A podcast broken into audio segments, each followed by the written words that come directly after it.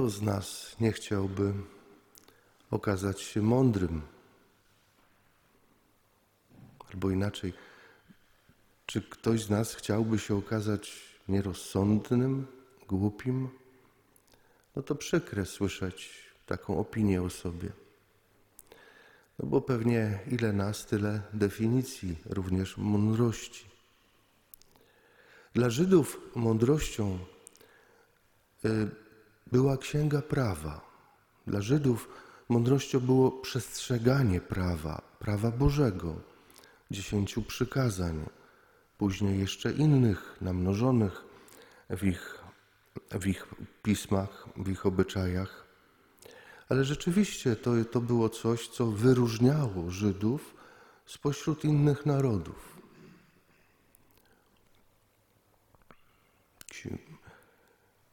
Księga mądrości, dana od Boga.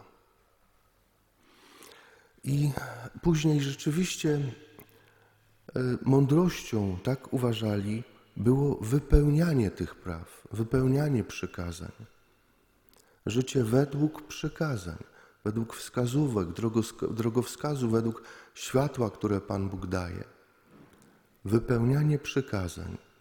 I dlatego Dlatego e, w pismach apostolskich mamy tak o tym, że nie od wypełniania przykazań uzależnił Pan Bóg obietnicę.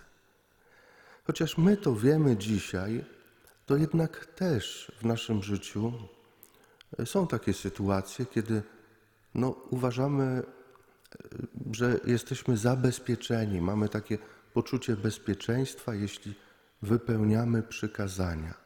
Czasem te przykazania w oderwaniu od źródła, w oderwaniu od tego, z czego te przykazania wynikają, albo od kogo te przykazania są.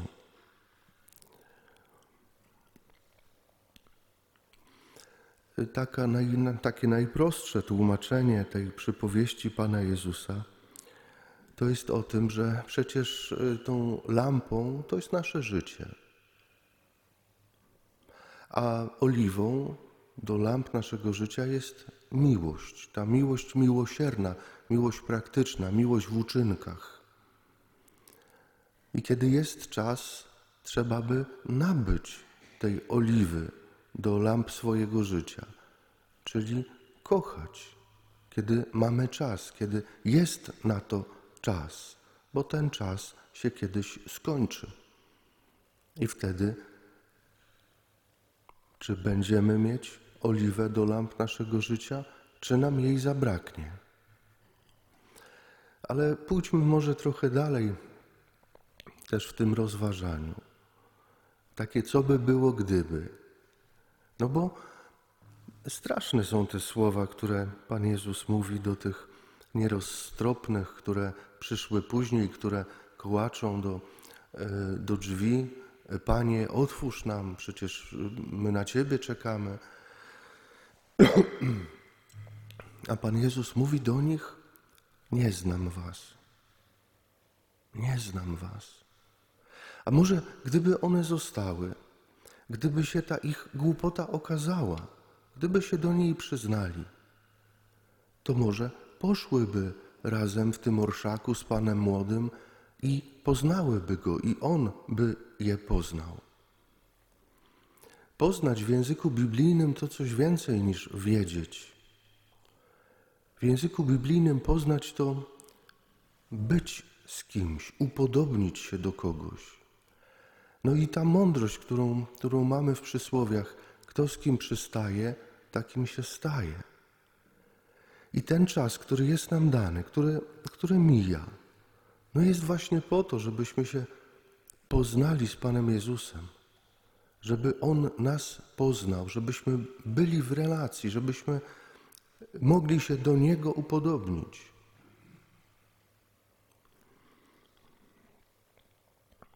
Prawda naszego życia, jaka jest?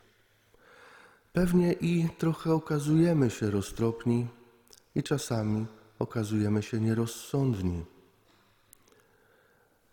Ta mądrość, którą, o której dzisiaj słyszymy, to nie jest wiedza. Można dużo wiedzieć i często okazywać się w swoim życiu nieroztropnym.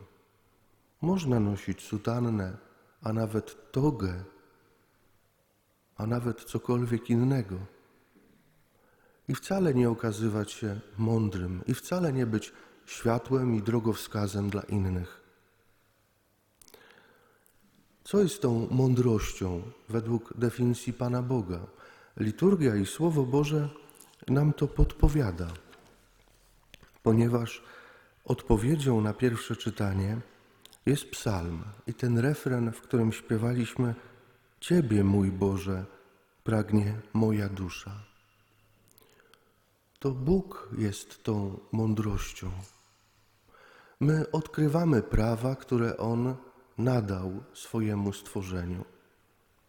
My odkrywamy, a czasem je przeinaczamy, bo uważamy, że to jest lepiej, że to jest mądrzej. Ale to Bóg jest tą naszą mądrością. To przebywanie z Nim już od samego rana daje nam nadzieję, bo przecież niepewność, ale nadzieję, że ta mądrość w naszym życiu się objawi, że ta mądrość, która, dla której my otwieramy to nasze życie, nasze serce, nasz umysł z całą mocą, całym umysłem, z całego serca, ze wszystkich sił, że ona będzie w nas żyć, że przez nas będzie też promieniować i oświecać innych. Oto nasza mądrość, ten, który sam do nas przyszedł, nie aby przejść obok, ale żeby w nas zamieszkać. I jakie cudowne i przedziwne y, rzeczy już w nas uczynił i cały czas to robi.